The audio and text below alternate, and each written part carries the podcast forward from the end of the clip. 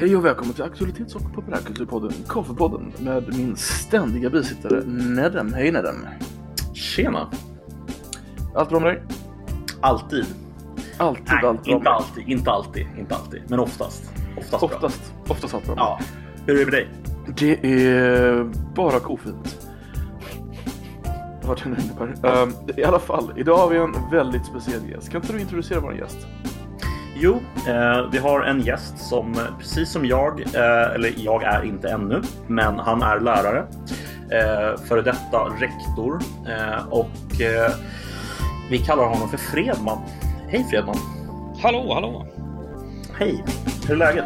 Det är fint, kul att vara här. Mm, Du är att så välkommen. Eh, idag ska vi alltså prata om New Pubis Management. Det är alltså inte rymning som står på schemat.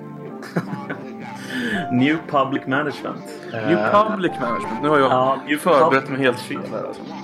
Ja, jag vet inte vad du håller på med Koffe. Jag vet inte jag heller om jag ska vara ärlig. är Ja. psykolog, Nej, så jag är men på rätt väg. eh, känner, du- känner du till New Public Management som tidigare Koffe? Alltså har du hört uttrycket? Jag tror att det är ganska svårt att leva i det moderna samhället utan att höra uttrycket. Men jag tror det är väldigt få som vet exakt vad det innebär. Mm. Jag får Ehm. tankar tillbaka till Thatcher och Reagan, men det kanske är fel. Nej, det är inte helt fel. Eh, Men ska vi, ska vi börja med att vår gäst förklara vad New Public Management är? tänker det. Det kan vi göra. Eh, sen, det är ju så här att New Public Management, det finns ju den formella definitionen på vad det är. Liksom, man går tillbaks till Nick Christopher Hood som lanserade termen eh, ursprungligen. Men det det egentligen är, om man ska ta det enkelt, det är helt enkelt en, ett sätt att styra offentlig sektor som ska påminna om hur näringslivet styrs för att få offentlig sektor mer effektiv, eh, mer kostnadsbesparande överlag och för att den ska bli på något vis överskådlig. Mm. Och det här är då i linje med tankar som eh, liksom kom in i det offentliga med eh, Reagan och Thatcher, eller? Bland annat ja.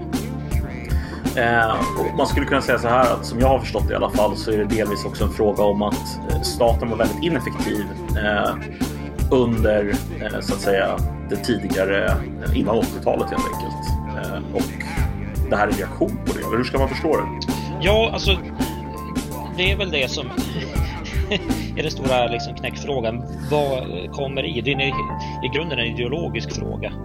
Om Mm. man tycker att liksom, det här är i grunden en reaktion en ineffektiv stat eller om man tror att det är något nyliberalt projekt att liksom, nedmontera välfärdsstaten.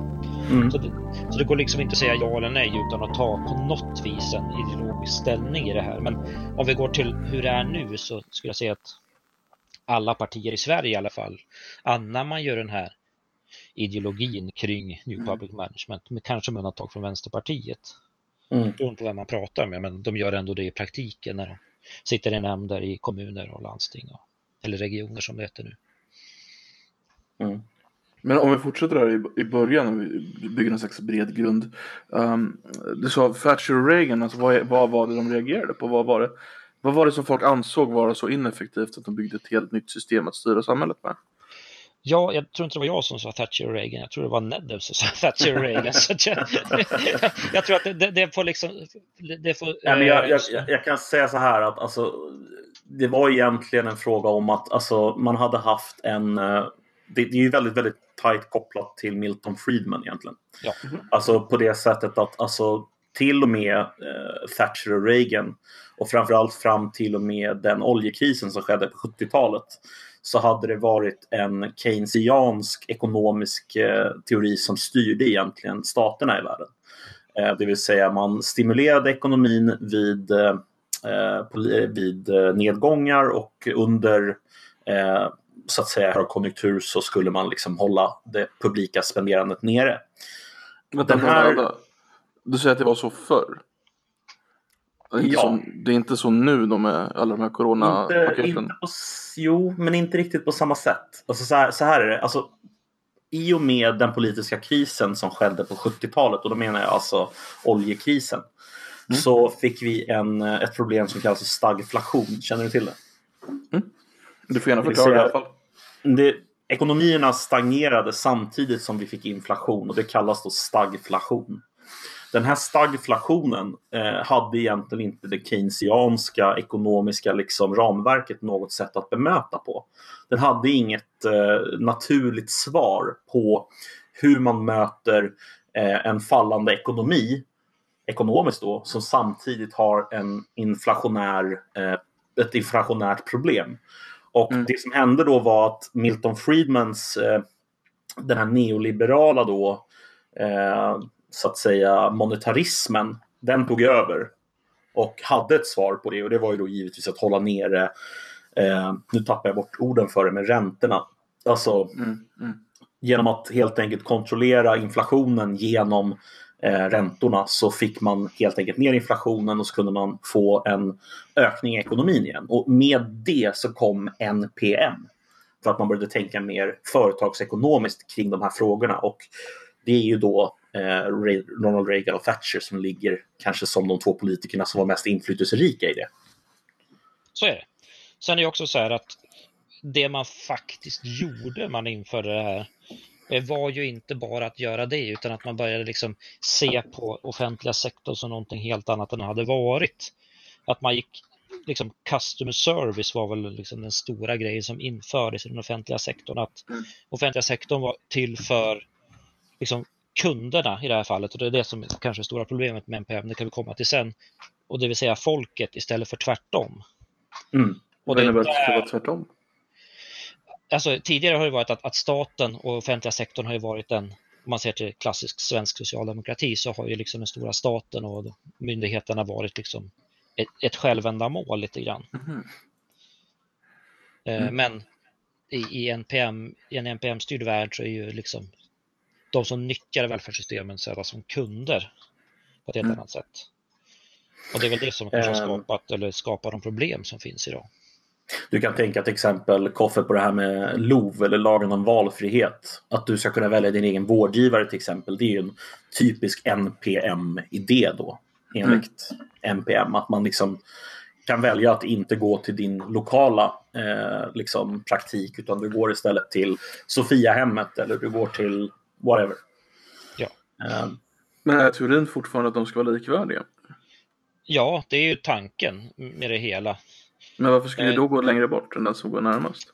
Därför att det ska finnas något som, som heter valfrihet och där är ju, nu kommer vi in på de rent ideologiska grejerna här. Att, att jag som vårdtagare ska kunna välja med min liksom, peng då vem jag vill anlita, vilket kan, i grunden kan vara väldigt bra. Samtidigt som eh, om man ser till det hela så kommer det bidra till en, eh, en ökad kostnad för det offentliga överlag. Mm. Vilket många saker visas på. Liksom. Vi kan gå in på det, men kräver alltså New Public Management privata alternativ i, i välfärden? Alltså egentligen inte, eller ja och nej kan man säga. Alltså, en stor del i New Public Management är just konkurrensutsättningen av offentlig sektor. Och teoretiskt sett skulle man kunna lösa det med bara liksom, statliga alternativ också, men mm. det, det, går inte att konkurrera med sig själv. Så jag skulle säga ja, det gör det. Nej, det blir svårt. Det blir svårt. ja. Är, är TV3 en följd av New Public Management? Att vi vill ha alternativ i även etermediet? Faktiskt har jag funderat på det, men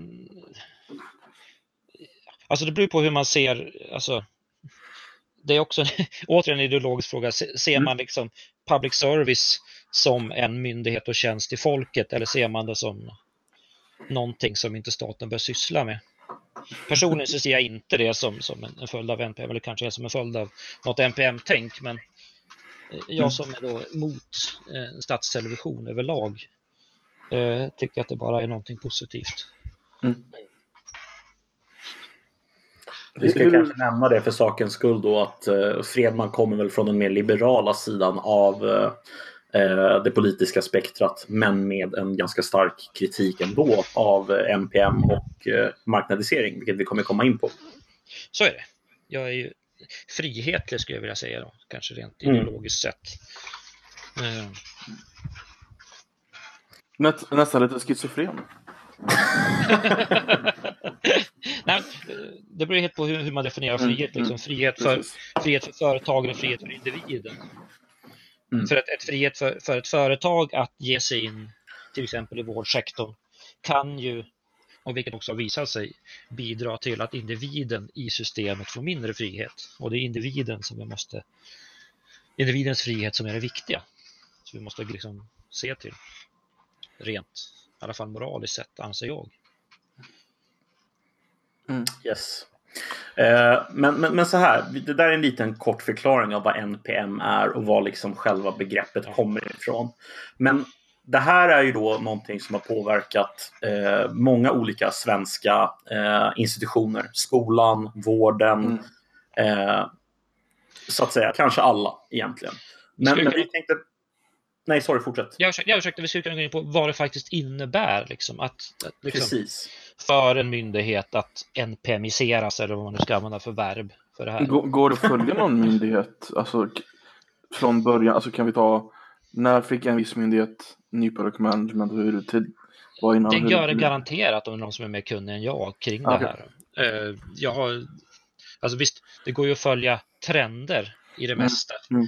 Men jag tror inte att, eh, jag tror att man behöver någon som har forskat på ämnet mm. och har ett jättespecialintresse för att kunna liksom ge en jättetydlig bild kring. Och, och, det här är ju någonting som har tagit, pågått under ganska lång tid. Det här började ju i början av 90-talet egentligen på mm. allvar i Sverige.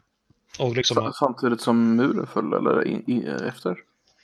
Jag skulle säga efter, någonstans där 91 ungefär. Man skulle väl kunna säga att det, det inföll ganska väl med, eller det, det skedde ungefär i samband med den ekonomiska krisen i Sverige när vi insåg att vi var tvungna att eh, klippa och klistra i de ekonomiska ja. Eh, systemen som vi hade. Alltså det vill säga vi hade ganska stora utgifter. Mm. Eh, mm. Så i och med Assa Lindbeck-kommissionen skulle jag säga att där någonstans påbörjas det. och då, då, det var egentligen en kommission som sattes ihop med Assa Lindbeck som chef. Och Assa Lindbeck var helt enkelt en, chef, en ekonom eh, tillsattes av regeringen för att utreda då eh, hur man skulle bemöta den ekonomiska krisen och vilka förändringar man skulle behöva göra. Och då var det framförallt då skattetekniska eh, förändringar som gjordes. Och det var ju då för att reducera kostnaden i systemet. Sätta valutan till en flytande valuta istället för en, vad heter det, en peggad valuta liksom, och så vidare. Eh, så där någonstans skulle jag säga att det började dra igång ordentligt. Ja, någonstans där. Det var väl SOU 93 där som lämnades mm. in till Fibble tror jag. Som låg i grunden för det här. Om jag inte minns helt fel. Eh, Assa Lindbäck för övrigt eh, lämnade ju sossarna eh, till följd av inställningen då, till löntagarfonderna. Så det mm. talar till hans fördel. Ja, definitivt. Ja, löntagarfonderna har vi inte mycket till övers för någon utav någon här i kanalen tror jag. Nej, inte ens Koffe va, din royalist. Jag, jag, jag, har svårt att se den kopplingen, löntagarfonder och royalism. Den måste vi faktiskt försöka göra. Ja, den är, den är svår alltså. Jag, jag håller med, den finns inte ens. Man, man, skulle kunna argumentera någonting om slags medeltida gilden kanske, men ja. det, det är väl det hela. Ja. Ja. Nej, men åter till liksom, vad, vad händer när man liksom inför New Public Management liksom, i, i en organisation? Mm. Och de, de, två tydliga grejerna där är ju dels på ledningsnivå så ser vi ju, eller, eller säger jag rättare sagt, här är mina personliga åsikter, en, en tydlig ansvarsfördelning i ledningen som mycket blir en chimär. Det blir mm. liksom stuprörsorganisationer till skillnad från det vi har haft i Sverige, ganska, ganska klassiska platta organisationer. Eh, där ansvarsfördelningen läggs mer tydligt på en chef och eh, kanske det enskilda ämbetsmannaansvaret tas bort lite grann. Mm. Eller ganska mycket. Eh, och det leder ju också till en avprofessionalisering av akademikeryrken. Eh, med en statussäkring. Det har ju till exempel skett i, i, i lärarskrået, men även i andra yrken som i sjukvården till exempel. Mm. Kan vi förklara den kopplingen lite tydligare? Att bara för att ledningen får tydligare ansvar, varför blir då eh, jo, men, personalen? Om du tänker så här att om du, du ska liksom leverera X, säger vi, vad det nu ja. är, om det är en tjänst eller en vara eller mm. en produkt. Eh, det är ditt ansvar att X levereras. Eh, mm. levereras inte X så är, det, så är det på ditt ansvar att X inte har levererats. Om det är du Mm. som står för det. I en, I en sån här organisation så uppåt, så eftersom inte du har några kanaler uppåt annat än din chef, så blir din chef ansvarig liksom uppåt på ett helt annat sätt. Så ditt eget personliga ansvar i din professionella roll tas bort. Så det, är mitt, det, det är chefens fel att han har anställt mig i princip och därför är det inte mitt fel. Ja, ja, på ett vis. Liksom. Det, det är ju, Mm. Nu överdriver jag lite grann, Ja, men det är ju absolut lite så man kan se det. Och samtidigt så, i och med det här så kommer också istället för tydliga liksom, resultatmål eh, till lite professionen så- så går man över liksom till, till mål och resultatstyrning, alltså målstyrning mer istället för resultatstyrningen. Eller, eller regelstyrningen som fanns innan till exempel. Att på den här avdelningen skulle det finnas tre stycken sådana här grejer, fyra stycken sådana här och fem sådana här. Till att nu ska vi sträva efter att det finns tillräckligt antal av de här sakerna för att kunna genomföra vårt jobb. Eh, och det här hör ni ju själva. Vi tar, vi tar skolans värld som exempel som jag kan bäst och vi tar i ett labb till exempel. Förut kunde det finnas, det här var ju länge, länge sedan, väldigt specificerat. Det ska finnas tre mikroskop per biologilabb, säger vi. Mm. Ja, då var det bara att köpa in tre mikroskop, för det var reglerna. Nu är det, det ska finnas tillräcklig labbutrustning. Och vad, vad får det här för effekter? Jo, det får, får till effekter att något som vi kommer in på senare, det här med, med effektiviseringskrav. Så, så fort det blir lite tajt med budget, vad är det man sparar in på då? Jo, då sparar man in på sådana här saker som kanske inte riktigt är mätbara. Ja, visst kan du Visst kan du köra din, din labb med bara två mikroskop? Va? Det går väl jättebra Fredman? Om jag nu hade varit biologilärare, vilket jag inte. Mm. Då hade jag sagt, ja men jo, det kan jag nog göra. Därför att jag vill ha kvar jobbet liksom. Och ja, och då är det tillräckligt. Och det är därför den här målstyrningen gör att liksom man, och man, man fokuserar på, på mätbarhet på ett sätt. Man försöker hitta saker att mäta hela tiden som man kanske inte alltid kan mäta. Just mätbarheten och ni som, jag vet inte, om du har varit ute och jobbat mycket inom företag, man jobbar med nyckeltal och sådana här saker. Det kommer till mer och mer i offentlig sektor också. Och det blir Hur, liksom, hur, hur funkar nyckeltal i en skola till exempel? alltså det blir helt på, helt på kommun och inte, men du har ju nyckeltal på alltså personal per elev till exempel. Det är ju ett nyckeltal. Mm. Mm. lärare per elev. Det finns ju eh, budgetnyckeltal som säkert varierar sig från kommun till kommun och i friskolorna är de annorlunda också. Lokalkostnad per elev, det är lunchkostnad per elev, det är vaktmästare per elev, det är ja, alla, allting sånt där. Eh, Jo, okej. och det där kommer ju även från myndigheter att nu krävs det minst 0,7 kuratorstjänst per elev för att det ska anses vara okej. Någonting sånt, alltså, Mm, mm. Eller per 100 elever blir det då kanske. Men, Men är inte det lite samma sak som förut? Att förut skulle det vara minst eh, tre mikroskop. Och nu ska det vara minst x antal. Alltså, är inte därför- problemet bara att styrningen är fel? Att vi har, vi har sagt fel, eh, prioriterat fel grejer? Kan vi inte bara... Ja, Okej, men nu ska det vara minst eh, så här. Alltså det, att det bara var vi har va- valt att mäta som är fel. Kan vi inte bara ändra mätstyrningen och ändå ha samma system igång? nej, jo, alltså ja och nej. Jag tycker det är mycket bättre att, men då går vi, då går vi bort från mål till, till, till regelstyrning igen. Därför att det, det Okej. man, man styr inte efter de där grejerna, man styr efter målen. Du styr efter liksom, till exempel något som, alltså betyg, till exempel måluppfyllnad. Man styr efter kanske genomströmning av patienter i vården. Man styr efter hur många besök du hinner med i hemtjänsten. Eh, man, man, man styr mycket efter kundnöjdhet och som det heter, det är också en sån här typ, man, Mm. istället för brukare så är det kund. Hur nöjd är hemtjänstbrukarna med dig som kommer? Hur nöjda är eleverna med det här? Istället för liksom, vad, vad förväntas man leverera till hur upplevs det av det brukaren? Är det seriöst något som mäts? Hur nöjd eleven är? Ja, ja. Oh, ja. Men alltså, ta bort läxorna och eleven blir nöjdare liksom. Det görs ju i Sverige kan jag säga. Alltså läxorna är på väg ut eller? Nej, absolut inte. Därför att Mm. det finns fortfarande en väldigt stark och kompetent profession som står emot det här. Men det Okej. finns ett inte oansenligt antal skolor där läxorna inte finns. Och det finns en stor lärargrupp, nu kommer vi in på något helt annat där, som hävdar att läxorna motverkar jämlikhet till exempel. Mm. Därför att alla har inte samma chans att få hjälp av föräldrarna hemma, till exempel med läxor. Okej. Men det, det är inte New Public Management, men eh, det... Det, nej, det, är inte New Public Management, det, det är något helt annat. Men det är också ett...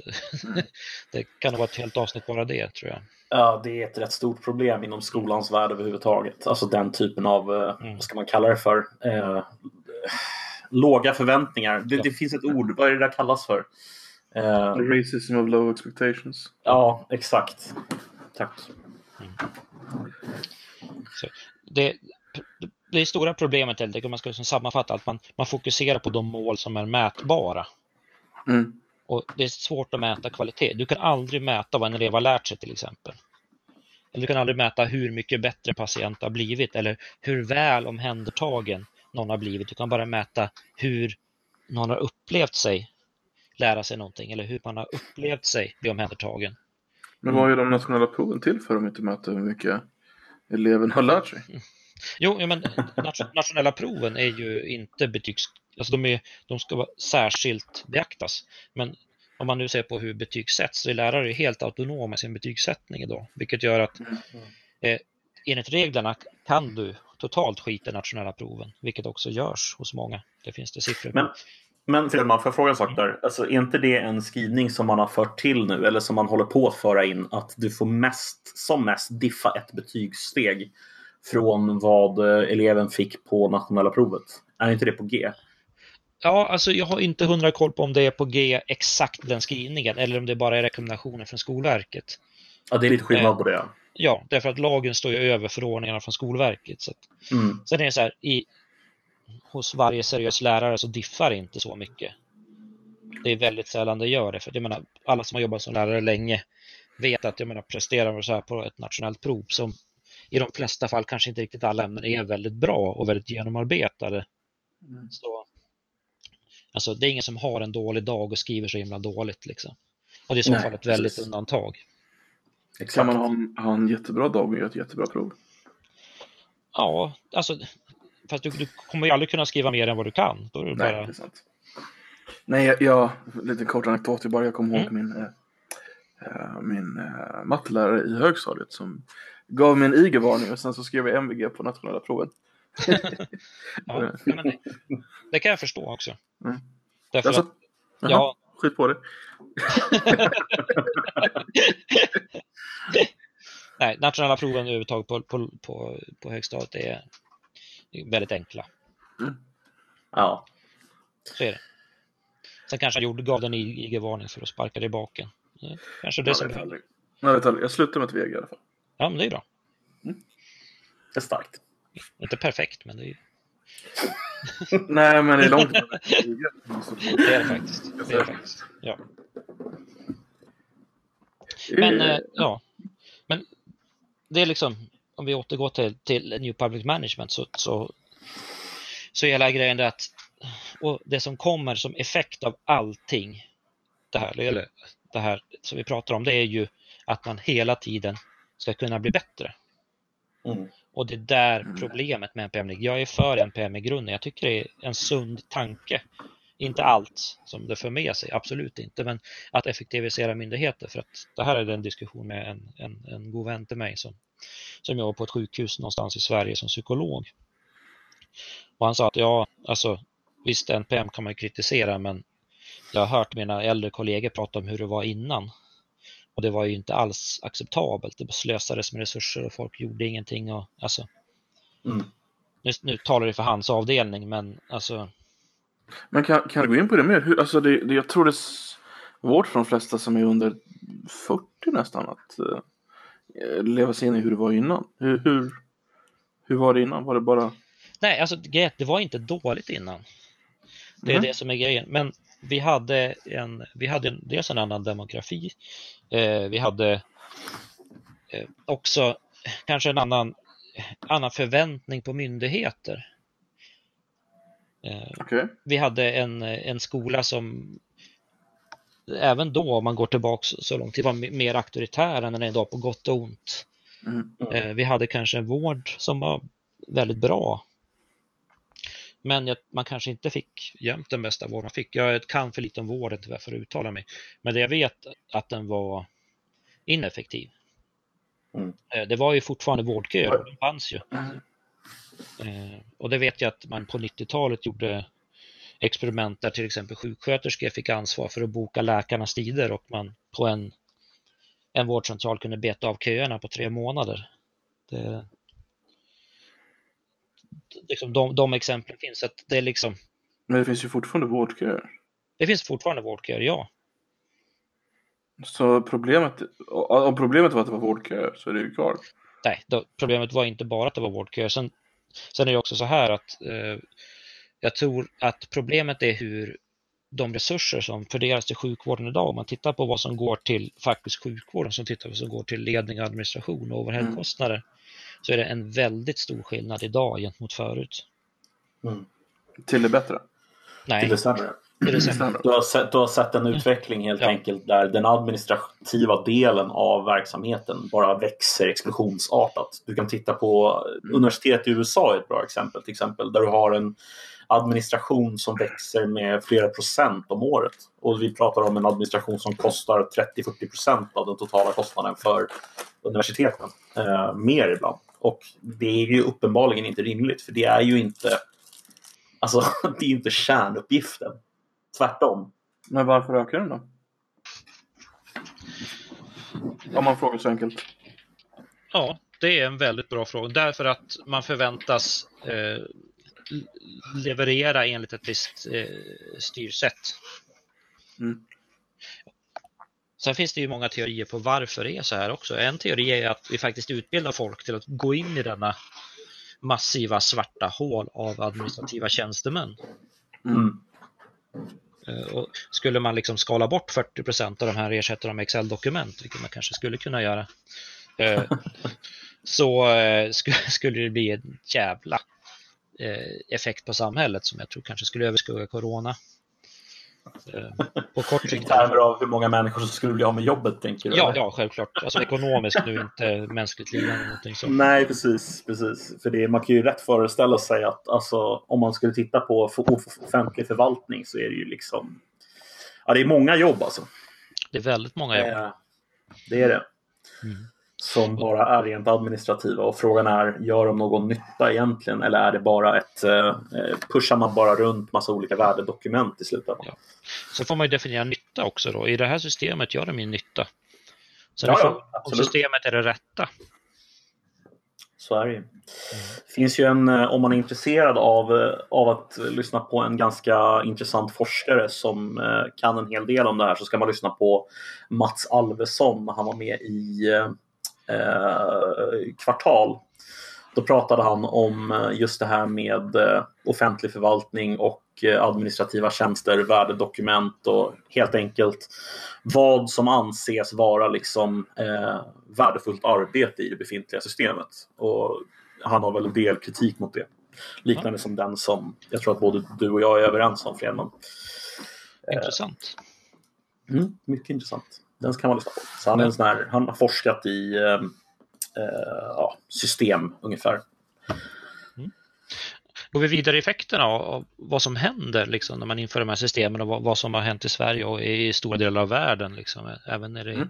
Afrika, att när man inför NPM, en av de här, det vi pratade lite grann om förut, var det här med konkurrensutsättning.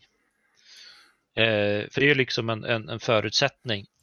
Det, man kan inte konkurrensutsätta allt, men mycket. Jag menar vård, skola, omsorg till exempel, i alla fall i Sverige. Där är vi faktiskt ganska extrema just i Sverige när det gäller den biten. Eh, och i och med konkurrensutsättning så kommer ju också någonting i det här som också har att göra med, med styrelsesättet stort och det är effektiviseringarna. Som jag var inne lite grann på, men vi tappade tråden där. Och det är lite det som, som håller på att knäcka folk idag som jobbar i de här branscherna. Eh, därför att det finns ju en tro som är inbyggd i det här systemet att du hela tiden kan göra någonting bättre. Eh, Man inför liksom lean från, eh, från näringslivet, du inför liksom, ja, massa sådana där teorier som är jättebra när man ska tillverka bilar i en Toyota-fabrik. Va? Eh, Du kan effektivisera, Mm. effektivisera hur mycket som helst, men det kanske inte funkar lika bra när du ska torka Agda 87 år i rumpan. Eller du ska liksom sitta med en klass med 30 elever där fem har svår dyslexi och tre har en NPF-problematik. Mm. Eh, och det är det som håller på att knäcka systemet idag. Tyvärr, att man hela tiden har en effektivisering. Och att på något vis tror jag att många politiker ute i förvaltningarna, framförallt i kommunerna, inte riktigt förstår vad det här innebär. Hur ter det sig? Det ter sig i att eh, man ser effektiviseringskrav på skolan som någonting eh, naturligt. Mhm. Eh, att eh, man, man hela tiden man säger att vi satsar på skolan nu. Vi ska införa, vi lägger till 200 extra miljoner. Eh, samtidigt så, så säger de ett effektiviseringskrav på, vi säger en eller två procent. Eh, vilket gör Mm. att om man tittar på hur faktiska lönekostnaderna ökar så får man så finns det mindre pengar för verksamheten att röra sig med från år till år. Men man fortfarande säger att man satsar. Aha. Det går liksom inte ihop. Nej. Eh, om man ser till Uppsala under 2020 till exempel. Där, Mm. där har man 1,7 procents effektiviseringskrav. Varje år? Ja, under 2020 i alla fall. Det har liksom, Ja. eh, det ligger någonstans däremellan. Eh, 1,7 till eh, 1 till, 1 till 3 procent beroende på vilken enhet man pratar om och vilken kommun man pratar om. Eh, och samtidigt så har man liksom bedömningen att priser och löner i kommunal verksamhet kommer öka, som SKR har gjort, alltså Sveriges kommuner och regioner. Att övertaget bara priser och löner kommer öka med 2,6 procent. För de här. Nu jag, nu är jag inte hundra på exakta procentsiffror, men det är någonstans där. Nej, men, vilket men, gör att det, det är i praktiken den här satsningen då som man säger att man gör blir en nedskärning på 0,9 procent. Mm. men, men, men, Ursäkta. Kan man inte säga det om alla grejer? Att så länge de inte får mer pengar år till år är det en nedskärning. Vad gör de här företagen så, eller områdena så speciella? Eh, därför att man, man jobbar med människor. Alltså, eller så speciella, hur menar du då? Jag förstår inte riktigt vad du Ja, men menar. annars skulle du behöva höja, höja kommunbudgeten med 2% varje år eller? Eller 2,9 procent. Ja, alltså de höjs ju varje år. Eh, därför att man eh, räknar med ökade skatteintäkter Mm. hela tiden. Eh, och det är ju naturligt. Har man folk som jobbar inom kommunen så kommer ju deras löner gå upp. Mm. Visst man. Men då måste man också ha ett system där de andra som finansierar det här betalar in till kommunen motsvarande. Mm. Så är det. Mm. Och idag har vi en ekvation som inte går ihop. Det är väldigt många kommuner i Sverige idag som, som går back. Det är sant. Malmö till Eh, exempel. ja. I, i podden här. Ja, Malmö till exempel. Där kanske inte jag delar er analys av just Malmö, varför- men det, det kan vi ta någon annan gång. Men Mm. det, det, finns, det, det finns liksom eh, kommunerna sitter ju, Malmö är en kommun som sitter i skiten därför att det är många som, som bor an, någon annanstans, pendlar in och jobbar och sen Mm. pendlar ut igen. Liksom. Mm. Vilket gör att det, det system vi har idag med liksom finansiering av, av viss välfärd är ju åt helvete. Eh, samtidigt som kommunerna, kommunernas självstyre är ju i grunden jättebra. Sen så kanske de tar sig lite för stora friheter att bygga en ny, en ny hockeyarena eller en simhall eller någonting när, när liksom Eller kinesisk kogge. ja. Jag tyckte bara det var kul att plocka in det. kinesisk hockey. Ja, har du inte hört talas om det? Jag tror vi har nämnt det förut i podden, men Det här att de, de som ett arbetsmarknadsprojekt på, i början av 2000-talet tror jag det var så eh, drog man igång ett projekt som idag har kostat 120 miljoner kronor eh, som gick ut på att eh, arbetslösa snickare skulle bygga en kinesisk medeltida Jaha, eh, en båt. Och den Ah, sålde mm. man sen för 100 kronor till en förening. ja, Ja, ja, ja man, man skrattar men det är hemskt alltså. Det är, det är hemskt det. Ja, och det är väl liksom här jag, min, min ideologiska syn delar sig från liksom någon som ligger lite, mer, eh, lite mindre frihetligt till. Där jag tycker att vi bör skära ner på vad kommunerna gör och vad staten gör medan andra kanske ropar efter att eh, höja skatten. Mm. Mm. Hur, hur, hur hårt vill du skära? Jävligt hårt alltså. Ursäkta mig där jag drog. Ja, det, är, det är motorsågen som ska fram med fler Ja, alltså, jag, jag tror så här att vi skulle kunna skära ner, eh, alltså jag vill renodla eh, liksom säger så statens eller kommunens ansvar till, Ja. till vård, skola och omsorg och väldigt grundläggande. Alltså du, du nöjer dig inte med kommunen, du tar, du tar hela vägen upp till staten. Jag tar hela vägen upp till staten. Det är ett, ett, ett Okej. starkt försvar, en polismakt eh, och de grejer som behöver för att samhället ska funka överlag. Liksom sjukvård, definitivt, för det är också och utbildning, för det är någonting som Mm. gagnar individens frihet. Sen, sen finns det- Järnväg? Vad sa du? Järnväg? Frågetecken. Eh, det skulle kunna privatiseras utan problem faktiskt. Okej. Eh, tror jag. Håller, håller, håller Nedem med? Nej, alltså jag tänker väl att naturliga monopol överlag så kan nog staten jobba med dem. Ja. Men samtidigt så är det ju så här. Alltså, det är egentligen inte så viktigt exakt detaljerna utan det handlar om att alltså kärnuppgifterna som staten egentligen är till för från början, eh, skulle jag vilja påstå i alla fall, eh, är de sakerna som staten också ska stå för. Eh, nu vet jag att vi inte har konstnärslöner längre, eh, men alltså bara en sån sak som att vi har haft det tycker jag tyder väldigt mycket på Mm. hur mycket bloat som har funnits i det här systemet över tid. Jag vill Överhuvudtaget- minnas att de gamla konstnärslönerna lever fortfarande. Så hade man, fick man det en gång så har man kvar det. Absolut, så är det. Så har vi tagit bidrag till kultur och, och föreningar. Liksom. Jag, Mm. jag brukar säga, nu, det här blir folk jättearga på mig för, men kan folk spela fotboll i favelerna liksom i, i Rio de Janeiro så kan de ju fan spela fotboll i en park i Sverige. alltså, man behöver inte bidrag för att kunna vara ute och idrotta. Och det, Sverige är ett väldigt stort eh, föreningsland dock. Alltså det är ju väldigt många föreningar som får väldigt många bidrag. det är ju det. Och samtidigt, Ja. jag har varit, jag har varit föreningsaktiv sedan jag var sex år gammal. Jag är ordförande i, i flera föreningar nu. Så jag, jag tycker att eh, man bör kunna klara att driva en förening utan bidrag. Annars så kanske det inte är så mycket föreningen man är ute efter utan bidragen i sig. Mm. Precis. Men jag tänker alltså, så här, om vi, om vi bara skulle kunna liksom eh, för sakens skull då kliva in på eh, hur New Public Management då i vårt specifika fall med skolan. Vad, vad ser du som det största problemet New Public Management och marknadsstyrningen i offentlig sektor har lett till i skolans värld? Där tror jag man får dela upp det i, i två, två delar.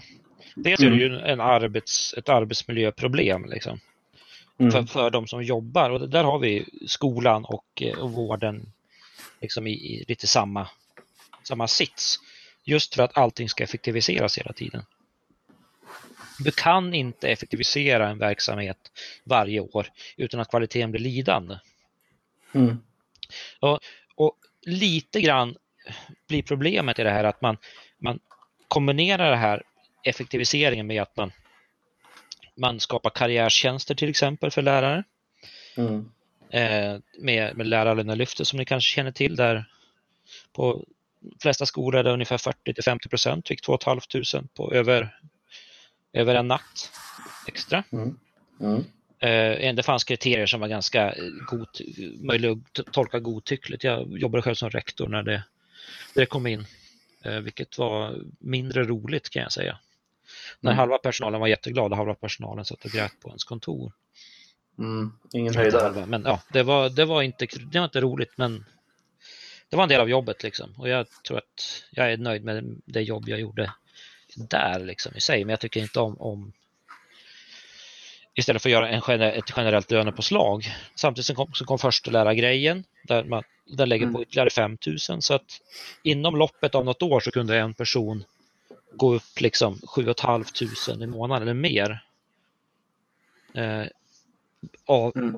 för ingenting alls. Och det här har liksom skapat löneskillnader som jag är i, i grunden positiv till. Men de ska bygga på kompetens och hur mycket man jobbar och så vidare istället för men som det finns sko- Stockholmsskolor idag där löneskillnaden mellan två lärare ligger på runt 30 000. Oj. Ja, och det, det är liksom inte det finns inga rim och reson i det alls. Vi kan förklara då tycker jag att det handlar väldigt mycket om att då har vi alltså människor som har jobbat på skolan väldigt, väldigt länge. Och de har inte bytt från kommunal till någon annanstans utan de har varit kvar där länge och därför har deras löneutveckling sett ut så, eller hur? Ja, ja och nej ska sägas. Okej. Okay. Alltså det, det är ju den, den, populära historien om att den, den trogne läraren som har jobbat på skolan i hela sitt liv, haft en dålig löneutveckling och så kommer en ny exare in som får mycket mer. Visst, den finns, garanterat den finns, ja. Men visst, det finns ju lärare som har varit smarta, hoppat runt mellan skolor och byggt upp sin lön och fått en, bytt för att få en förstelärartjänst och fått en mm. extrem löneutveckling. Så är det också. Men sen är, jag tror också att den här den här historien, nu kommer jag också bli hatad av många, om läraren som sitter och är nöjd med sitt jobb och sliter på och får en jättedålig löneutveckling. Ja, det kanske finns en anledning också. Mm, det vill säga, inte alltid finns... säga, men inte, det kan finnas. Det finns helt enkelt lärare som inte ska vara lärare.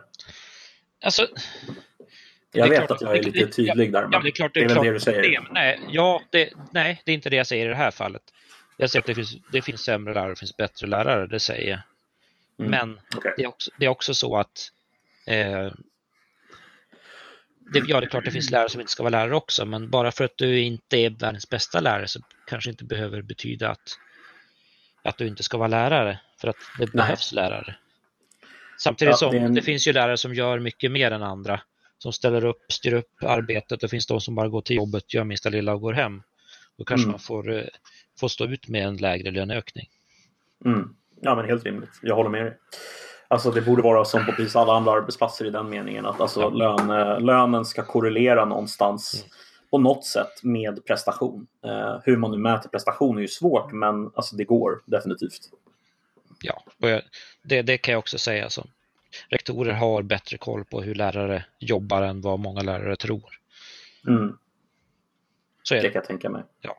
Men just, just den biten, för att komma ifrån det så är det många lärare idag som, som vill gå tillbaks till någon form av tarifflön. Vad innebär det? Det innebär att eh, du har jobbat i ett år med de här ämnena, då får du så här mycket lön. När du har jobbat i fem år så får du så här mycket lön. När du har jobbat i tio år får du så här mycket lön. Får du ansvar för institutionen får du 340 kronor extra i... Eh, mm. och på ett vis så är det Alltså, bara ser man till så här, ja jättebra, det är, så kan det vara.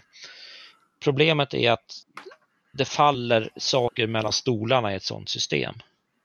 Mm. Eh, därför att det är alltid någon som måste städa undan, det är alltid någon som tar tag och försöker utveckla och det och man eh, det är ett system som gagnar medioker, medioker arbetsinsats, tycker jag. Eh, och jag tycker inte det är rättvist därför att folk är inte lika bra. Gör man lite mer så kan man lika gärna ha, ha lite mer för det. Nu ska tilläggas att ja. jag varken läraren lyftet eller förstelärare själv. Så att det, men jag, är fortfarande, jag tycker fortfarande att liksom, det ska finnas en löneskillnad. Jo, men alltså problemet blir väl också att ifall det inte finns den här löneskillnaden baserat på någon typ av mått på prestation. Ja, då vad, är anledningen till att eh, liksom jobba hårdare då? Är det bara då för att du vill att du vill väl? Alltså tyvärr, men jag tror inte att människor bara vill väl och jobbar på det sättet. Jag tror att folk behöver ekonomiska incitament också. Det är tyvärr kanske, men så är det. Eh, tycker jag vi ser ganska tydligt i samhället. Att man kommer inte ifrån det.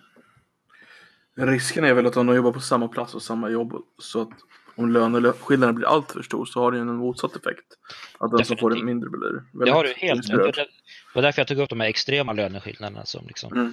Alltså att det ska skilja 30 000 när man gör samma och det är liksom inte... Det är inte rimligt nej. Nej, att det skiljer 5-6. Det kan vara liksom rimligt. För det blir inte så mycket efter skatt ändå. Så att... Det, är, nej men alltså, det, handlar, det handlar också om erfarenhet i yrket någonstans. Mm. Och det är som med alla yrken. Alltså, har du jobbat i tio år, då, då, då, tillför du verksamheten automatiskt någonting, om du inte är en mm. jävla slacker, som, mm. som är väldigt svår att mäta. Och, och, där har vi en nackdel i det här systemet, det mäter man inte alls. Även om det finns inskrivet i kollektivavtalet för lärare att man ska beakta ålder och så vidare och erfarenhet vid lönesättning så tror jag inte att det görs i tillräckligt stor grad. Eh, och det, det är ett problem, så att jag säger inte att det är perfekt, det vi har nu. Dock finns det ju, Finland har ju någon form av hybridsystem. Där den individuella biten är lägre. Eh, en fråga om Finland bara, för Finland säger mig ofta har det har det svenska skolsystemet fram till 1977. 74. Och så har de bara behållit det. Mm. Men hur, hur ligger det med det egentligen? Alltså, har de också alltså, management eller? Eh, jag vet inte, alltså om man ser till Finland i, i stort så mm. kan jag inte uttala mig deras statsförvaltning överhuvudtaget. Jag skulle tippa att New Public Management finns där också. Men mm. eh, just när det gäller eh, skolan i Finland så har ju de en helt annan syn på, på lärarens roll, på skolans styrning och just på det här med, där är det mer regelstyrt överlag mm. eh, än det är i Sverige.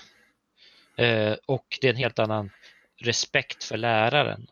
Men det säger jag inte att de har liksom auktoritativa lärare utan de har liksom det är svårare att bli lärare i Finland. Eh, de tjänar bättre, de har högre status i samhället. Och av, det finns så många faktorer till det säkert. Eh, men det också gör med att läraren har i Finland också tror jag större autonomi. Mm. Än, likt vi hade i Sverige förut. Får de slå barnen? Eh, det tror jag inte. Okej. Okay. Det har väl... jag bara, bara kolla. Ja. Nej, men alltså det handlar, alltså, Koffe, det handlar också om den här professionaliseringen som mm. har alltså, varit på bakkant eller bakfot i Sverige väldigt länge inom läraryrket. Och det är ju kopplat till ja, att de personerna som söker sig till det här läraryrket idag inte är av samma kvalitet ja. som förut. Alltså, missförstå mig rätt. Förutom dig själv då, såklart. Nej, alltså jag, jag, jag skulle inte kommit in på lärarutbildningen 1969 eh, till exempel i Sverige. Mm. Eh, då var det ju maxade betyg som krävdes. Mm. Mm. Eh, och jag har inte maxade betyg på något sätt. Men det är väl lite det som det här med äh, förstelärare och lärarlyftet vill åter, åter äh, slå på. Så att, säga. att de vill ja, ja, lyfta lärare. Ja, jo, men så är det. Problemet är att de lyfter inte lärarna generellt utan de lyfter liksom det, det är för godtyckligt. Mm. Eh, och sen tror jag inte att det är kanske är så godtyckligt som, som det upplevs hos alla, men eh, de facto är det en, ett ganska stort mått av godtycke i det. I vissa mm. de här. Jag menar, det finns förstelärare i, det finns förstelärare i schack i Sverige. Mm. Det finns förstelärare i biljard faktiskt. Ja. Nej, skojar du nu? Ja. Har du Nej. Nej, fan, Det finns förstelärare i värdegrund. alltså, ja. Så att, alltså, det är det som är, det handlar liksom inte om att här har vi här har vi liksom Nedde, världens bästa jäkla lärare. Han är så duktig med eleverna i klassrummet. Han skulle först lära, han kan leda eleverna. För, nej, utan här har vi Nedem. Nedem har liksom är duktig på IT och ska liksom eh, göra Kahoot med sina elever så han blir förstlärare i IT-pedagogik. Mm. Det, det, är snarare det. Nu, nu drar jag alla över en kam och det finns väldigt många duktiga förstelärare i Givetvis, men alltså man måste Sverige, någonstans alltså, få vara lite hård också ibland. Ja. För att göra en poäng. Ja, för att göra en poäng. Så är det ju liksom. Det, det, godtycket är, är för stort liksom. Och det handlar liksom inte... Och sen finns det ju de här också lektorsrollerna där man får 10 000 extra i månaden. Mm. Eh, om man har doktorerat i någonting så kan man få det. Och där gjorde ju Uppsala kommun de började med, med lektorstjänster. Eh, det här var också väldigt intressant att eh, en av det kommunala, eh, kommunalrådets fru, det moderata kommunalrådets fru, han som var med och drev igenom det där, råkade få en sån där tjänst ganska kort efter. Den hade ju... Mm. Väldigt skumt. Vilket, vilket sammanträffande. Mm, ja, man vet ju inte riktigt vad det kan bero på. Så. Och hon, hon var då dock disputerad? Alltså, ja, hon var disputerad. Så det, jag tror inte det är något fel på henne som lärare över alls, liksom, utan det, Nej. Men det kanske, det finns ju lite egenintressen mm. runt om i kommunerna i olika saker också. Men, ja, men det här, jag, menar, jag, jag, tror också så här, ser man till de flesta av de här förstelärartjänsterna eller liksom lärare, jag tror de ändå har gått till personer som har förtjänat det. Mm. Eh, det tror jag faktiskt. Eh, men eh, det stora, stora grejen med, med det styrsystem och det vi har idag, det är helt enkelt att det, det skapar en... Det, det, här är någonting jag både är för och emot. Så här blir lite, lite komplext. En, en konkurrenssituation mellan lärarna som inte är sund. Eh, vilket gör att... Okay. Ja, därför att man får liksom på, på ett vis... I och med att det finns ett begränsat eh, löneutrymme. Och ska man visa mm. framfötterna och, och, få en bättre löneutveckling så, så blir det på bekostnad av någon annan.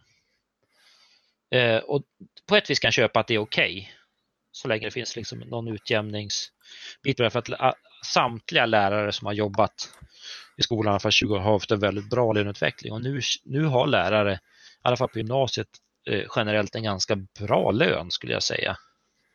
Mm. Eh, sen kan det alltid bli bättre, men jag skulle inte säga att, att lärare idag är underbetalda. Eh, även fast många fortfarande hävdar det, facket.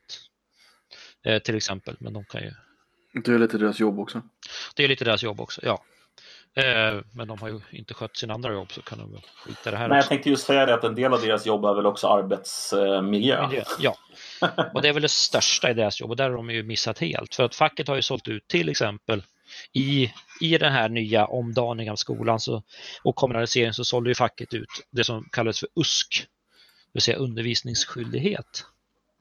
Där det fanns att lärare skulle undervisa, vi säger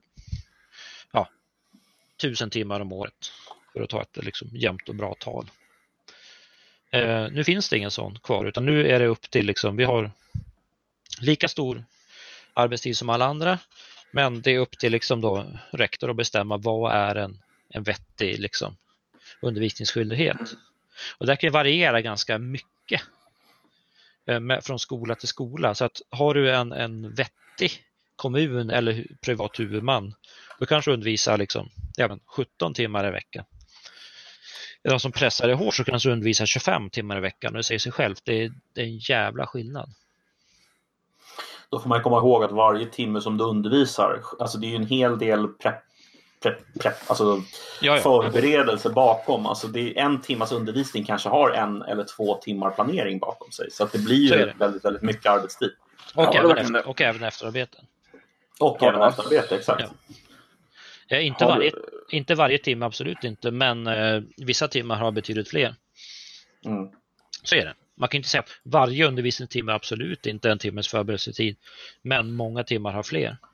Jag tror att det är väldigt lätt när man hör 25 timmar så tänker man så här, men vadå, det är ju 15 timmar över till att göra allt annat, ja. men det är inte riktigt så enkelt där. Liksom. Nej, så är det ju. Eh, alltså, min bild av lärare är att efter första året så har de ju redan gjort alla lektioner klara och då behöver de inte Ja, det är, det är en ganska vanlig bild av lärare och ja. den, den bekräftas då av många också, det tror jag. Nej men, men förklara gärna varför det är fel. Varför, varför inte bara, alltså jag hade jag varit lärare så hade jag förberett allting första året. Sen hade jag fattat, okej. Okay. Mm. Nu kör den här lektionen så bara vis, alltså... det vore ju, alltså det vore ju drömmen, alltså jag skulle älska det. Nej det skulle jag inte göra för jag skulle bli uttråkad och säga upp mig. Men alltså, det, det, problemet är ju så här, för det första, de, de flesta tror jag som är lärare, de, de det finns ju alltid de som bara vill ha ett lökigt jobb, men det är inte så lökigt. Men det, de vill göra någonting bättre hela tiden. Mm. Så är det ju. De, man vill bli bättre, man vill liksom utveckla sin undervisning. Och första gången du gör någonting med eleverna, någon ny grej, så blir det oftast inte så där jättebra, även om du är en erfaren lärare. För att det är någonting de missat, något du vill tweaka. Så man hela tiden utvärderar, uppdaterar och gör någonting bättre. Sen är det också så här, du får ju nya elever varje år. Mm. Eh, det kan jag säga, min undervisning nu, en av kurserna jag har några labbar jag tog fram förra året, körde och blev så himla bra förra året. Jag var så nöjd. Mm. Alltså, alltså, det var då så här, fan vad bra. Alltså. Och så körde jag med, den klassen jag har i år i det här ämnet. Och det gick åt helsike. jag kände mig som världens sämsta lärare. Ja, men då gjorde jag om lite grann till nästa gång så blev det lite, lite bättre. Liksom. Därför att det var andra individer, de hade liksom andra förutsättningar och annan kultur i klassen annan förmåga att eget ansvar. Alltså liksom, så att mm. så man hela tiden måste liksom jobba om, jobba upp och sådär. Alltså det mm. Och sen är det hela den här rättning, bedömning, betygs, alltså de här bitarna. Som också ska vara rättssäker. Ja, och det är det. Du kan ju liksom, och det var jag inne på lite förut, svenska lärare har ju en sån autonomi. Ingen kan komma och överklaga ett betyg idag. Det går inte att överklaga betyg. På, Alltså? på det viset. Så, eller ja, det går, men läraren kan säga ah, nej, så är det. En, en rektor får inte gå in och ändra ett betyg. Nej. Som lärare kan jag sätta vilket betyg jag vill. Eh, och det står i skollagen. Det, Men de måste kunna försvara det va? Eller? ja, jag, eh, ja, alltså, Eller argumentera för det. Alltså. jag argumenterar för det. Ja, han var, Jag, han var jag är lärare. Jag är lärare. Jag Ja. kan det här. I, I teorin, sen i praktiken så blir det ju väldigt svårt att behålla en tjänst om man sätter konstiga betyg och säger så. Men Ja, i, självklart. te, i teorin, alltså det, juridiskt sett, så kommer de här betygen fortfarande gälla. Mm. Så är det. Och det är därför vi har sommarskolor där eh, elever som har misslyckats i nio år får klara sig på två veckor. Oh. Funkar Vilket det då? såklart- Nej. Nej, det går ju åt helvete för dem på gymnasiet. Nej, men alltså det är ju de som sen hamnar på de här specialprogrammen på gymnasiet också. Mm. Eh, Jo, det finns ju undantag. Alltså folk mognar ju också. Mycket har ju med mognad att göra. Det är ju det är så.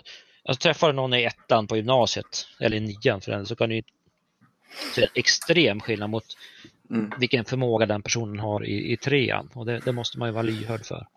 absolut. Så att, men jag menar, har du misslyckats i nio år på någonting, du kan inget, sen lyckas du på två veckor på en sommarskola, då, då, då får man på någonting, någonstans. Ja, har man jobbat som lärare på gymnasiet några år så vet man att det kommer inte gå så bra för den här eleven. Nej, men alltså, början. Får, jag fråga dig en sak, Fredman? Är det inte ett ganska känt problem just att eh, det är väldigt, väldigt många elever som helt enkelt kommer med väldigt undermåliga kunskaper till gymnasieskolan? Alltså det här är ett problem som jag har sett diskuteras till exempel på så kallade lärar-Twitter i flera år. Ja, men så, Eh, är, så är det. Och samtidigt så, de, de säger samma sak. Alltså, det, Berlin har ju en extrem bra eh, serie om det här. Jan Berlin, om ni känner till honom. Nej, faktiskt inte. Har du inte sett han, eh, han? Jag tror han är lärare i grunden, eller så är hans fru det. Eh, Jan Berlin eh, har en, just den här om att gymnasiet skyller på högstadiet och högstadiet skyller på, på låg, mellanstadiet och mellanstadiet skyller på. Sen kommer den så här, säger lågstadieläraren, ja vi får ju bara en jävla hög trolldeg från dagis liksom. Så att, ja, jo, jag, jag, jag, jag köper poängen, absolut. ja, jag, jag kan leta fram den och skicka in den till det podden. får du gärna göra. Det får du gärna göra. Eh, han är för övrigt lysande samtidstecknare överlag. Men det handlar lite om det. Samma sak, universitetet säger ju till oss, ja men det går ner hela tiden. Resultaten, Mm. är bara skit vi får upp liksom. Och, och så är det och det är, jag vet inte riktigt vad det beror på, eller jag, jag har min teori, det är att vi inte sätter krav i de lägre årskurserna. Eh, Mm. Därför att svenska skolsystemet idag, och det här tror jag är en direkt produkt av NPM och kundskolan som vi har. Att det finns rättigheter för det, det finns bara rättigheter för elever, det finns inga skyldigheter. Idag, det här känner inte många till, så kan man inte tvinga någon att gå om en årskurs. Mhm. Du kan liksom, du, du, kan inte läsa, du kan ingenting. Eh, läraren kan inte säga, rektorn kan inte säga, nej men du måste gå om ettan liksom. Du kan inte säga, du måste gå om sexan för du kan inte räkna ett plus ett. Nej, du har rätt att gå upp till nästa årskurs. Och du har rätt till stöd Eh, vilket gör att vi har skapat en liksom ett monster av extra anpassningar och särskilt stöd och stödklasser samtidigt som vi har en inkluderingstanke som det finns mycket gott med men också mycket ont med där alla ska vara i samma klass vilket gör att vissa elever tillåts störa ut eh, undervisningen för 90% av de andra eleverna. Liksom. Mm. Eh, och, och det är väldigt, väldigt, väldigt viktigt att ha i åtanke. Det är absolut inte de elevernas fel. Det, är så, det här är jätteviktigt att ha i åtanke. De är inte onda eller elaka eller någonting sånt. Det är jätteviktigt att ha i åtanke. Utan det är liksom det är systemet som sviker de här eleverna. Det är inte eleverna i sig fel. Det, det är, man säger ja, det är eleverna som sabbar för de andra, men det är ju inte det. Det är systemet i sig som sabbar för de här eleverna. Mm. För det är jätteviktigt att alla får chansen att lyckas. Jag tror inte att folk får chansen att lyckas i, i alla kan inte lyckas i en klass på 30.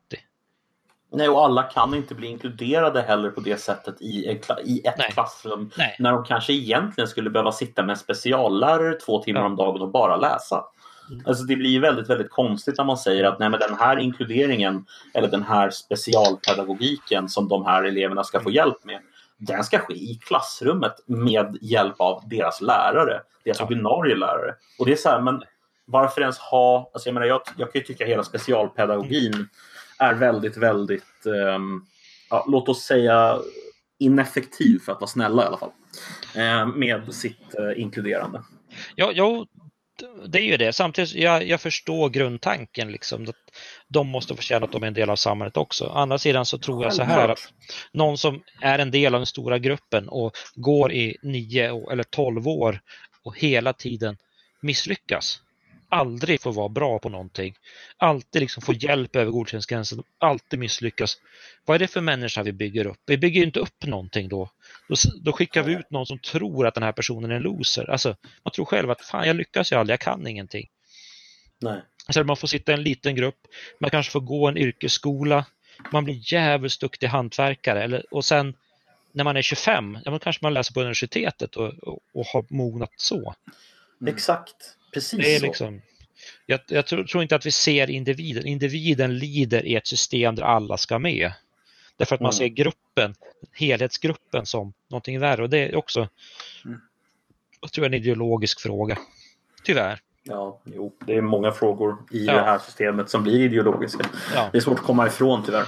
Ehm, Ja men det är ju det och det, det är väl det, det här Alltså vad, vad, vad gör man åt det liksom? Och det finns många när man, man tittar på, om vi återgår till styrsystemen, så här, vad får det för effekter?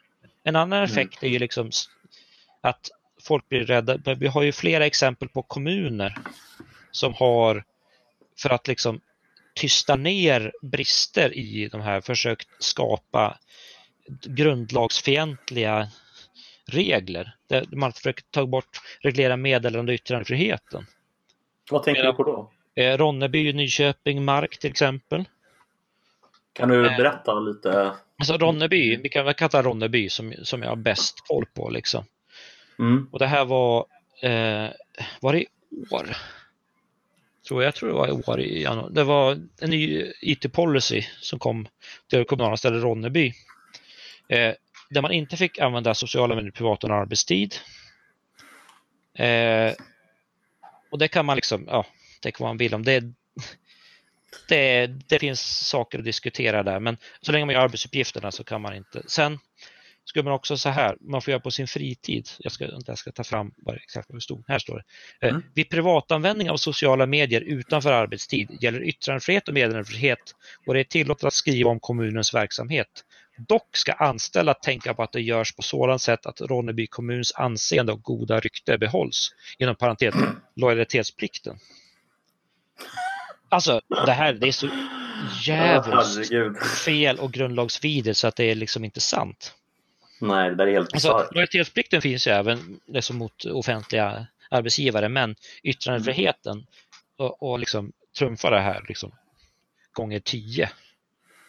Eh, hade det varit en privat arbetsgivare hade det varit en annan sak, liksom, men det här är... Alltså, Ah, det är bisarrt. ja, sådana saker. Det är liksom...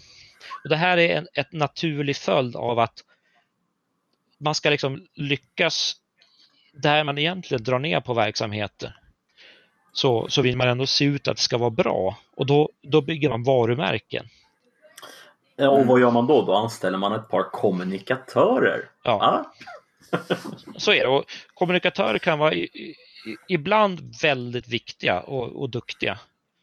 Men alltså, det finns ju en överanvändning av kommunikatörer idag också. Samtidigt som det, det gynnar inte skolan att ta in 500 kuratorer så gynnar inte kommunal förvaltning att ha in 500 kommunikatörer heller.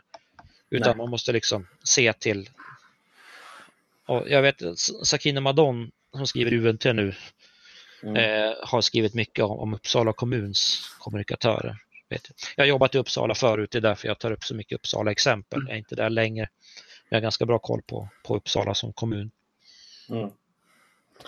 Nej, men vi- ja. för, för, att, för att bara sammanfatta lite kring det vi har pratat om då så kan man säga som så att NPM-styrningen av specifikt då skolan har lett till en massa problem som vi idag inte riktigt vet hur vi ska lösa. Eh, eller finns det några självklara lösningar som de flesta är överens om, skulle du säga? Alltså, ja och nej. Jag tror så här att vi, vi har liksom inte hunnit täcka in eh, kanske den viktigaste delen än heller för att vi ska kunna diskutera lösningar. Och det är ju konkurrensutsättningen och friskolor. Mm. Mm. Eh, och där är också sån här grej där jag som, som frihetlig skiljer mig från många som kanske tycker ungefär likadant som mig i många, många sätt. Eh, just när det gäller friskolor. Därför att jag har jobbat på friskola i många år. Jag tycker det är skitbra med friskolor. Eh, och de kan fylla en väldigt viktig nisch. Men problemet är idag att friskolor har blivit ett självändamål och vi har en, finansieringsmodell i form av skolpengen som är helt åt helvete. Mm. Eh, och där har vi marginaleffekter som jag antar att ni, ni är väl bekanta med. För Mm. var, varje, vi säger, varje elev får 100 000 ungefär, eller får med sig 100 000 in i en, in i en skola. Eh, en gymnasieskola säger vi, vi tar, vi tar det som exempel. Eh, vilket gör att, och skolan har fasta kostnader lokal, personal och skol, ja, skolmat blir ju lite extra men det är mycket där och eh, utrustning överlag. Så att för att täcka sina kostnader behöver skolan 22 elever säger vi. Eh, allt över 22 elever. Sen har vi några rörliga kostnader, så är över 25 elever, allting över 25 elever är ren vinst för skolorna. Vilket gör att har, har du 25 eller 30 elever, ja, det är en halv miljon i ren vinst för en Mm. skola per år. Och samma grej, grejer gäller för de kommunala skolorna. Mm. Vilket gör att det är för en friskola jättemycket värt att rekrytera fem elever till. Och för en kommunal skola, öppnar en friskola, det försvinner fem elever från fem kommunala skolor, ja då försvinner all marginal. Mm. Eh, och det, har, det finns lösningar på det här, hur man kan hitta, och där finns det faktiskt en utredare på Lärarförbundet, även om jag hatar facken så finns det Johan Erenstam, tror jag heter, som har skrivit väldigt bra om just det här problemet med, med friskolor, eller med finansieringssystemen. Att liksom de här marginaleffekterna gör att det är så himla lönsamt att driva friskola idag. Alltså jag kan ju nämna i förbifarten att eh, jag har jobbat på en friskola eh, Mm. lite. Eh, och den modellen som den friskolan hade, utan att nämna några namn, Mm. den, den modellen gick ju helt enkelt ut på att man hade så kallade eh, pass som var lärarledda. Mm. Eh, där en väldigt liten, liten del utav eleverna hade de här lärarledda passen varje dag. Och resterande elever skulle kunna arbeta då själva i själva liksom, det allmänna rummet så att säga. Oj. Där man jobbade i projekt. Eh, så att de här allmänna rummen där man jobbade i projekt där skulle eleverna kunna ta eget ansvar och jobba eh, utefter vad de hade fått då i uppdrag på de här lärarledda passen. Mm. Eh, och det här frigjorde ju då eh, väldigt, vad ska man säga, Mm. organisationen blir väldigt effektiv på det sättet att du behöver ju väldigt få lärare i relation till antalet elever. Eh, och det bara råkar vara så då att den här modellen blir väldigt, väldigt ekonomiskt Mm. eh, gynnsam för de som driver den friskolan. Ja. Jag, jag såg ju direkt att det här funkade ju bara för Nej. ett visst antal av eleverna. Alltså Mm. majoriteten klarade ju inte av det här. Nej, Eh, och ja, Problemet är, och då, då, kommer, då, då sätter du punkten på en annan grej. Och det är ju det här att friskolorna vill ha bra elever. Alltså Mm. med bra Mm. elever menar man så här, elever som inte kräver specialundervisning, kurator och sådär. För de grejerna är jättekostsamma. mm, Så har man liksom massa elever med behov av särskilt stöd och sådana där saker, det kostar pengar. Det kostar jättemycket pengar. Och det här regleras i viss mån av skolpengar men absolut inte i närheten av vad de faktiska kostnaderna är. nej. Eh, och till det här så har vi nu liksom en, en framgångssaga som har skrivits bland annat i IES, då, Internationella Engelska Skolan, som är jättestor i Sverige nu. Vi har Academedia som är ännu större, men vi tar IES som exempel för det är ganska så här tydligt Mm. exempel. Där att liksom de, de har liksom 60 procent av eleverna kommer från närområdet i skolan och 40 procent kommer från inte av närområdet. Mm. Eh, och det här är liksom siffror de, de har liksom uppskattat själva. Vilket gör att liksom dräneras ganska mycket elever. Liksom. Även om kommunala skolorna kanske, ja, här finns det utrymme att bygga en ny skola, en friskola. Men det dras elever från långt ifrån genom att vi har det fria skolvalet då. Som kanske inte är så fritt beroende på hur man ser det. Men eh, sen är det också så här att och nu kommer vi till den kärnan i varför det är så djävulskt. Det är att det här handlar liksom inte att de skolbolagen idag behöver inte ta några risker. I princip. Därför att kommunerna står för all risk. Om skolorna bara lägger ner, säger att nu lägger vi ner. Ja, mm. vad händer då? Jo, då måste de kommunala skolorna täcka in. Gå in. Mm. Det finns ingen så här att krav på att de här, nej men nu måste ni köra klart termin. Nej men nu lägger vi ner. Pam! Så flyttas de ut, eleverna liksom. Och då måste kommunen täcka upp. Och då måste kommunerna ha höjd för det här. Eh, det är väldigt många kommuner eh, i Sverige som genom kommunala fastighetsbolag och annat ser till att IES får eh, alltså subvention på hyrorna för att de vill ha dit dem. Mm. Så det det här handlar om är helt enkelt något som kallas för kronokapitalism eller svågerkapitalism. Det vill säga där företag tillåts profitera på skattemedel. Och samma sak finns inom vården med de här privat, jag säger inte att alla privata vårdbolag är så, men de här eh, nätläkartjänsterna mm. som får samma peng egentligen som för ett besök på, på, företags, eller på, på läk, eh, vad heter de, vårdcentralerna. Mm. Face som, to face med en läkare liksom. Ja, fast de kör via liksom nätet. Mm. Eh, och det här dränerar ju liksom regionernas resurser något oerhört. Eh, så att det här är, de har i princip noll, noll risk i sitt kapital. Så att det är liksom det, det är svågerkapitalism och det, jag, det är så extremt slöseri med skattepengarna här, tyvärr. Mm. Sen finns det bra friskolor också. Jag säger inte att alla de här skolorna är dåliga skolor, utan jag säger bara att styrmodellen och finansieringsmodellen för dem gynnar inte det svenska skattekollektivet och i Nej. då längden också eh, eh, dig som individ.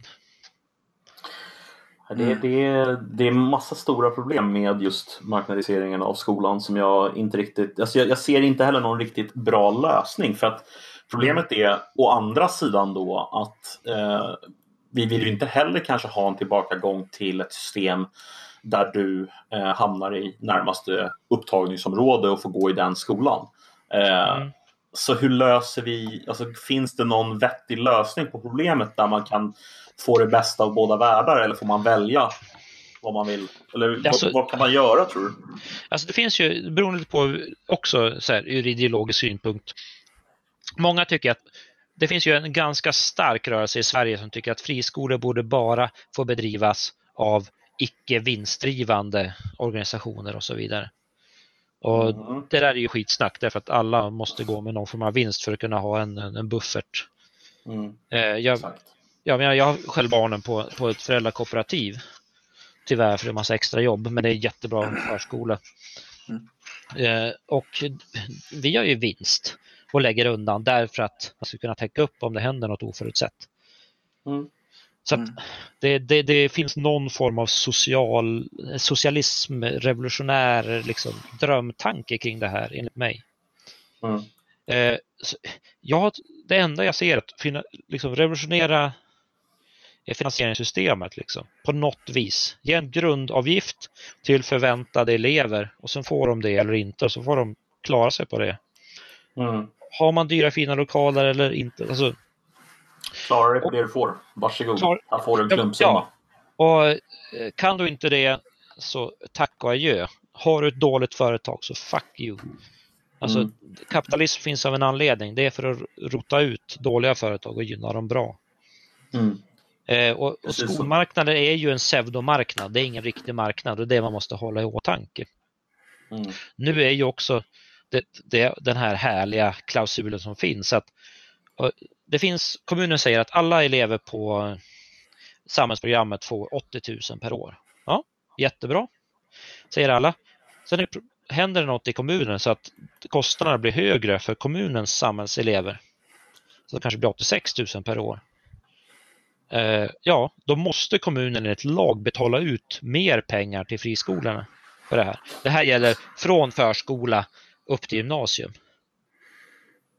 Ja, så att det är så här, okej, okay, ni får 50 000 per år per barn. Ja, det är bisarrt ja och nej ska jag säga, för att det här finns också, det finns två sidor av det här myntet. Därför att kommunen kan också säga då att, för det här har gjorts, eh, vet jag, eftersom jag jobbat i friskola också, så det finns ju kommuner som har fulat med det här. Ja. Eh, och sagt att ja, men vi har bara sådana här kostnader och sen har man haft liksom, mycket högre kostnader.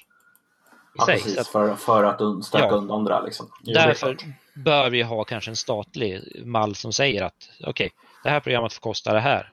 Fine, lös det. För jag, Hade, du velat, hade du velat se en avkommunalisering av skolan och förstatligande? definitivt, eller? alltså kommunerna har inte kompetensen att driva skola Nej. generellt. Det är, det är liksom, så är det. Har du, har du någon åsikt om det, Koffe? Har du funderat någonting kring om du skulle vilja att det var kommunaliserat fortsättningsvis eller förstatligat? Som, Som, som, som, som någon slags, alltså jag tänker så här som, som någon som kanske inte är involverad i skolan och liksom på det sättet. Vad har du för åsikt om det som gemene man Alltså, som inte... eh, som potentiell framtida förälder. Förälder till Mm. exempel, ja. Precis, det är, väl, det är väl den enda tanken jag det. Som jag har, det är väl att jag vill att det ska vara en jämlik skola oavsett Mm. vilken skola man väljer. Att det ska vara samma kvalitet. Mm. I övrigt så tror jag inte man tänker på det. Nej. Jag tänker inte riktigt på det. Nej. Jag Nej, tror att det är att- större när man lever i, i, i den världen. Mm. Ja, för det blir ju liksom, du får ju tänka på att det blir 190 huvudmän. Eller 290, eller hur många Ja, ja har plus, vi? fri, plus friskolorna. Så Ja, det är jävligt många ja. huvudmän. Så att, och det, det är intressant det du säger Koffe, det här med jämlik skola. För det är det alla vill ha liksom. Mm. Hade det varit det för alla så hade ingen brytt sig. Eller Nej. hur? För att det är inte så att friskolorna får mer pengar än de kommunala. Eller någonting så. Utan det jag vänder mig emot är att det som händer är att alla får inte en jämlik skola. Det är Därför så. att- alltså. Nej, ja det skulle jag säga. Därför att eh, resurserna fördelas inte eller kan inte fördelas med nuvarande system jämnt ut efter elevernas behov. Och det här har att göra med dels elever som behöver liksom jättestöd för att bli liksom rocket scientists eller brain surgeons, liksom, alltså när man Mm. säger det amerikanska skit. Alla vet att det är lärare som är det högsta, finaste yrket. Men, eh, Raketkirurg brukar jag vara. Raketkirurger, just det. Eh, det är perfekt. Så att alla, liksom, de får inte stöd för att bli raketkirurger, några. Och några får inte ens stöd för att klara lära sig fucking läsa. Alltså, vad är det? 40 procent av killarna i nian kan inte läsa en dagstidning idag. Jag tror det är någonting sånt. Nej, Det här låter ju Alltså, absurt. Det ja, där ja, låter ju... Nej, Jag- det är det så alltså? Ja, det är det är Alltså, det, det, det, det är där vi är nu. Liksom. Och det, Mm. det, det har dels att göra med, med, med en ganska kraftig invandring. Det, det är liksom en faktor i det hela, men det är, inte, det, är alltså det är långt ifrån hela sanningen. Det är väldigt långt ifrån hela sanningen. Alltså det, det är som så här, Sverigevänner som skyller på det kan ju bara liksom dra, Mm. dra något gammalt över sig, för det är inte det det handlar om i grunden. Det pushar upp siffrorna lite grann, men det är inte, det är inte grundproblemet för att de, de kommer lösa det. Utan det handlar om en dysfunktionell skola för fan. Ja, det är ju det att resurserna läggs inte in där de ska. De läggs inte in i tidiga åldrar. Och Nej. de läggs inte in. Man kan inte fördela om som man borde kunna göra därför att resurserna liksom måste omfördelas. Lägger du, ja, men lägger du 10 000 extra på den skolan, då måste du lägga 10 000 extra på den här friskolan också. Mm. Och Exakt. Mm. Så att vi har ett dysfunktionellt system överlag. Andra. Koffe, för att liksom få någon slags eh, sammanfattning på det här i slutändan. Vad, vad, vad drar du för slutsatser som då för, om man tänker sig en framtida förälder? Vad, vad, vad, vad, liksom, vad känner du inför det här, vår diskussion här idag? Känner du, känner du förhopp eller tilltro eller känner du liksom Det, det Eh. låter ju lite som att det är lite lätt uh, korrumperat inifrån. Eller gruttnande inifrån det svenska skolsystemet. Mm. Det, no, låter, det låter ju som att det är någonting som behöver göras. Just det där med att man inte kan... Alltså om en skola har eh, tio problembarn, vad nu ett problembarn är, så bör ju den skolan få mer pengar. Men det låter som att det går Det låter som det är en omöjlighet i dagsläget. Ja och nej, men det, det, det, Mm. finns, det finns en problematik i det hela. Mm. Sen är det så här också, det måste jag också bara poängtera. Svensk skola idag är inte dålig. Den är jävligt bra. Mm. De allra flesta som jobbar i svenska skolan idag är jävligt bra. Engagerade lärare liksom. Det, Mm. det får man inte komma ifrån. Alltså jag, jag vill väl typ två grejer. Det är väl att det ska vara en bra och bred grund. De flesta ska få vad de behöver. Och sen finns det några som är liksom elitens elit så ska det kunna finnas en möjlighet att kanske hoppa över en årskurs. Liksom. Mm. Och är man eh, sämst sämst så kan man kanske kunna vara kvar en årskurs. Ja, hoppa över, går, det går jättebra. Men Mm. gå, behöva, alltså man får ju gå om, man får gå om. Mm. Men man kan inte tvingas att gå om, det är det som är grejen. Är det inte Mm. en sak vi glömmer dock? Eh, inte det att du skulle vilja se också ett porträtt på kungen i varje klassrum? Det, det, alltså helt oironiskt, ja. Ja. Så här, vet, jag tänker som Kim Jong, Kim Jong-Un Ja. i Nordkorea. Så här. Problem, Nej, men alltså, problemet är ju att ja, alltså. tillåter inte det. Måste vi även ge porträtt till kungen till alla friskolor i deras klassrum? Ja, varför inte? Ja. Nej, men vad, vad, vad är problemet?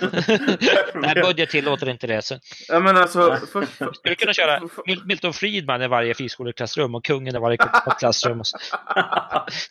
Nej, Keynes, alltså, Keynes i alla kommunala skolor och sen så Milton i alla friskolor. nej, men på riktigt så tycker jag inte det vore orimligt att ha kungen och kanske eh, statsministern i varje klassrum. Det tycker jag inte vore orimligt. Du tycker inte det? På riktigt? Nej, nej på, på riktigt. Ja, ja, alltså, ja. Alltså, man Nu behöver kommer- inte börja varje dag med nu ska vi hy hy hylla statsministern, men vi kan ju Kungasången kan vi köra, eller hur? Mm. Kungsången, ja absolut. Ja. Ur svenska hjärtans djup en gång. Nej, men nej, alltså jag, jag tror att eh, det skulle gå, gå lite stick i stäv med det är som alla lärare är antingen miljöpartister eller folkpartister. Det är ju känt sedan länge. Så tror jag det skulle bli Ja. svårt att genomdriva. Mm, Alltså, har ni sett den här gamla filmen Hets? Oh ja, Jajamensan. Caligula. Ja, Ja, jag har, jag har, jag har det dem som, på, på stor tapet hemma. Nej. ja men vore inte det lite fint att ha Caligula i varje klass? Nej, jag tror inte det Koffe. Jag tror att eh, det som var positivt med den eran, eh, det kanske överskuggades av det som var negativt med den eran. Tyvärr. Eh, Uh, visste ni för övrigt att det är den första filmen som Ingmar Bergman skrev? Det nej, Nej. Det det är det. visste jag inte. Han fick inte regissera den för han var inte känd nog, men han skrev den. Jaha. Mm. Nej, jag visste inte Det det. man bör ta med sig av den filmen är ändå det är ju liksom idealet för en skola. Mm. Alltså det är liksom marmortrappor, det är liksom Mm. Mm. Så härliga det var- klassrum, det är liksom ja, Ja, men det är väldigt, alltså på riktigt är det ju ganska så man vill föreställa sig ett gymnasium. ja det är ett, läroverk. Mm. Mm. Mm. Ja, det är viktigt. Läroverk, verkligen. Jag, jag tror att eh, skulle jag liksom av någon fluk bli IT-miljardär och skapa en friskola, då skulle jag bygga en sån. Så här. Tänker du typ Norra Latin? Ja, men någonting sånt liksom. Så här. Fredmanska läroverket. Ja. Jag gissar på att det kommer att vara mycket Bellman i det, i det stadsbiblioteket där. Ja. Ja, på, på tanken. Ja, det är därifrån jag har fått mitt nick. Precis. Ah, okej. Det är den kopplingen alltså. Ja, nej, men det, Jag älskar Ja. att det har tagit ett år att komma på den kopplingen. Men okej. Ja, jag har ingen aning. då, finns ju, då finns ju det här jävla skollagen som jag säger att man inte ska liksom romantisera den typen av kultur. Vad säger skollagen? sa du? Ja, ja, men du vet det här med alltså Bellmans och Fredmans epistlar. Hela, det är ju liksom en, en viss romantisering av alkohol och annat Jaha, du menar på det i det sättet? här. Så att, Mm. jag tror inte att det skulle kunna Ja, du menar. ses med så, så, så blida ögon från Skolinspektion och annat. Men, och jag kan väl köpa det också faktiskt, om jag ska vara riktigt ärlig. Vad det gäller liksom. Men, men eh, vi, vi, främst, eller Fredmanska läroverket så snackar vi liksom marmortrappor, disciplin, prov och eh, stöd till alla som behöver. Jag, jag tror att det kan bli Där, där vill jag jobba, Fredman. Det låter som en fantastisk skola kan jag säga redan nu. Ja, jag, jag kommer hålla ner lärarlönerna för att göra bra vinst. Så att, tack ska du ha. Tack ska du ha. Eh, ja, eh, vi tackar väl för oss för den här veckan om inte ni har någonting som ni vill tillägga innan vi avslutar. nej, kul att få vara med. Mm, kul att du var med. Yes. Ja, tack för att du kom. Ja, verkligen. Då säger jag som så att eh, vi tackar för oss. Det här var veckans avsnitt med Koffepodden. Eh, vi har diskuterat lite om marknadiseringen av skolan och NPM. Och eh, vi hoppas att ni tyckte avsnittet var intressant och givande. Tack för mig, Fredman Koffe. Tack så mycket. Ha det gött. Hej. Hej!